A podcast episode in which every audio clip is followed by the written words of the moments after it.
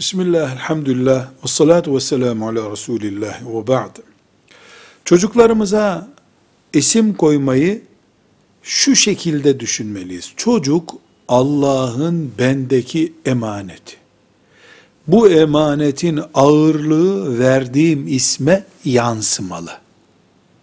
Bu sebeple ilk görev olarak isim koymayı uygularken Müslüman kimliğimizi, iç hasretlerimizi isme yansıtmalıyız. Ama illa sahabe ismi olacak diye bir şart yok. İlla Arapça olacak diye de bir şart yok. Anlamı hoş olan her isim konabilir. Mesela sahabe isimleri olsa daha güzel olur. Kur'an-ı Kerim'de övülen insanların ismi olsa daha güzel olur. Ama bu bir şart değildir.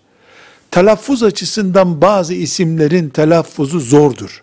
Mesela Arapça bilmeyenin tekrar edemeyeceği aynlı isimler zor mesela.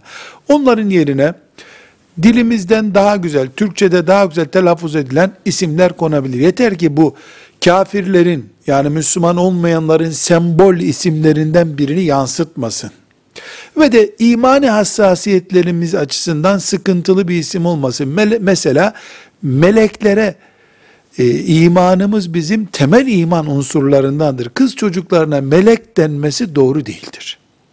Bu gibi hassasiyetlere dikkat edilmeli. Velhamdülillahi Rabbil Alemin.